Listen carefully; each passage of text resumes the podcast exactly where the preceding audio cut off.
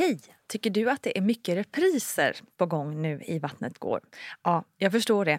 Det beror helt enkelt på att jag, Nina Campioni, just nu har en pop-up second hand i Modgallerian i Stockholm. Så min tid räcker helt enkelt inte tid att göra så många avsnitt som jag hade önskat. Men tills jag är tillbaka på full tid, kom gärna och hälsa på mig i Modgallerian. Vi ses! Yahoo! Hej hej på dig kära lyssnare! Välkommen ska du sannerligen vara till veckans plogg med mig Nina Campioni. Jag hoppas att du mår riktigt, riktigt bra och känner dig redo för att gå in i nästa fas av förlossningen. För nu är ju barnet i stort sett ute och du tänker yes, nu är jag färdig. Men ja, kanske inte riktigt då. Och som du redan hört tidigare i ploggen så finns det ju dessutom en fjärde fas i förlossningen som ju faktiskt pågår ett tag.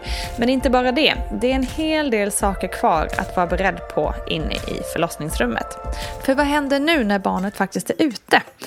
Jo, men nu kommer barnmorskan snabbt att göra en bedömning av hur barnet mår genom en så kallad Apgar-bedömning. Och det innebär att barnmorskan kontrollerar hur barnet andas, hur hudfärgen ser ut, hur barnets reflexer funkar, hur hjärtat slår och tonus i kroppen. Man bedömer då genom ett poängsystem där de allra flesta barn får ungefär 9 poäng efter en minut minut och sen oftast 10 poäng efter 5 minuter, vilket då räknas som full poäng.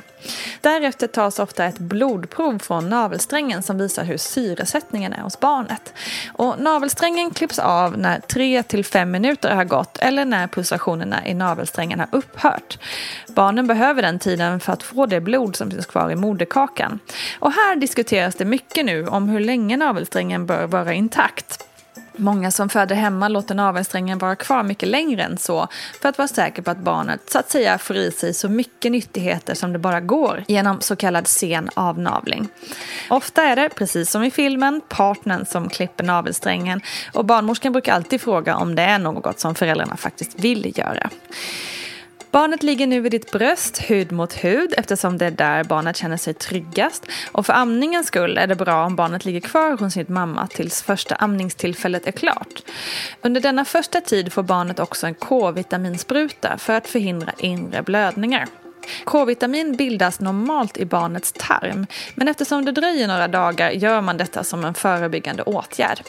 Men nu kanske det hela är över i alla fall, tänker du. Mwahaha, säger jag.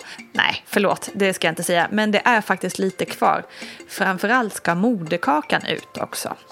Och i många fall så kommer den rätt så direkt efter att barnet har kommit. Och du som födande kvinna kanske inte alls känner någon smärta eller knappt märker av att nu är det på gång. Medan för många andra dröjer det en liten stund och sen kommer nya verkar och moderkakan liksom föds ut med verkar precis som om det vore ett barn. Kvinnan kan då bli överraskad över hur jäkla ont det där gjorde då. Eh, och nu talar jag av egna erfarenheter. Och i allra värsta fall så vill inte moderkakan komma ut alls på egen hand och då kan det krävas hjälp. Och för att underlätta att moderkakan ska lossna så är det bästa knepet att barnet får komma till bröstet och börja suga. En tom urinblåsa är också viktigt för att moderkakan ska komma ut. I mitt egna personliga fall så fick jag massage på magen. Och ordet massage just är inte mitt utan vårdens för det känns inte på något sätt som en skön massage utan otrolig smärta när en person står och hårt knådade på min ömma mage. Om man har riktig otur och moderkakan inte lossnat inom en timme eller om det fattas någon del av moderkakan så förs mamman till operation där moderkakan tas ut manuellt efter att kvinnan fått en ryggbedövning. Och det innebär att läkaren går in med sin hand in i slidan upp i livmodern och där lossar och tar ut moderkakan eller den bit av moderkakan som fattas. Om detta ingrepp inte görs är risken att kvinnan kan förlora stora mängder av blod och det vill man ju såklart undvika. Om kvinnan börjar blöda rikligt innan moderkakan lossnat utförs samma ingrepp men då vid den tidpunkt när blödningen inträffar. Idag anser man att en kvinna kan förlora 1000 ml blod i samband med att moderkakan lossnar och att det är helt normalt. Barnmorskan mäter blödningen före moderkakans avgång och sen blödning upp till två timmar efteråt. Och på så sätt noteras den mängd som blod kvinnan har förlorat. Och innan man är helt färdig i förlossningsrummet så måste du också kissa och ofta ta en dusch. Och har du fått någon form av förlossningsskada så tar man såklart hand om det också, men mer om det i nästa avsnitt. Och nu är du typ klar. Och jag kan lova att den där första duschen efter förlossningen är otroligt skön. Jag tycker också att just den här ploggen är lite extra viktig eftersom den förbereder dig på att det är lite mer som händer även när bebisen väl har kommit. För själv fick jag en smärre chock över det här med moderkakan. För navelsträngen har man ju liksom lärt sig genom åren att den ska klippas och det är ju en klassisk scen på film till exempel. Men moderkakan, att det skulle göra så ont. Så ha gärna det i åtanke så att du inte både blir besviken och rädd när det plötsligt börjar hända mer saker i kroppen.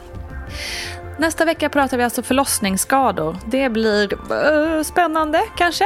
I alla fall så hoppas jag att det kommer lugna något. Ha det underbart tills dess. Kram, kram, kram!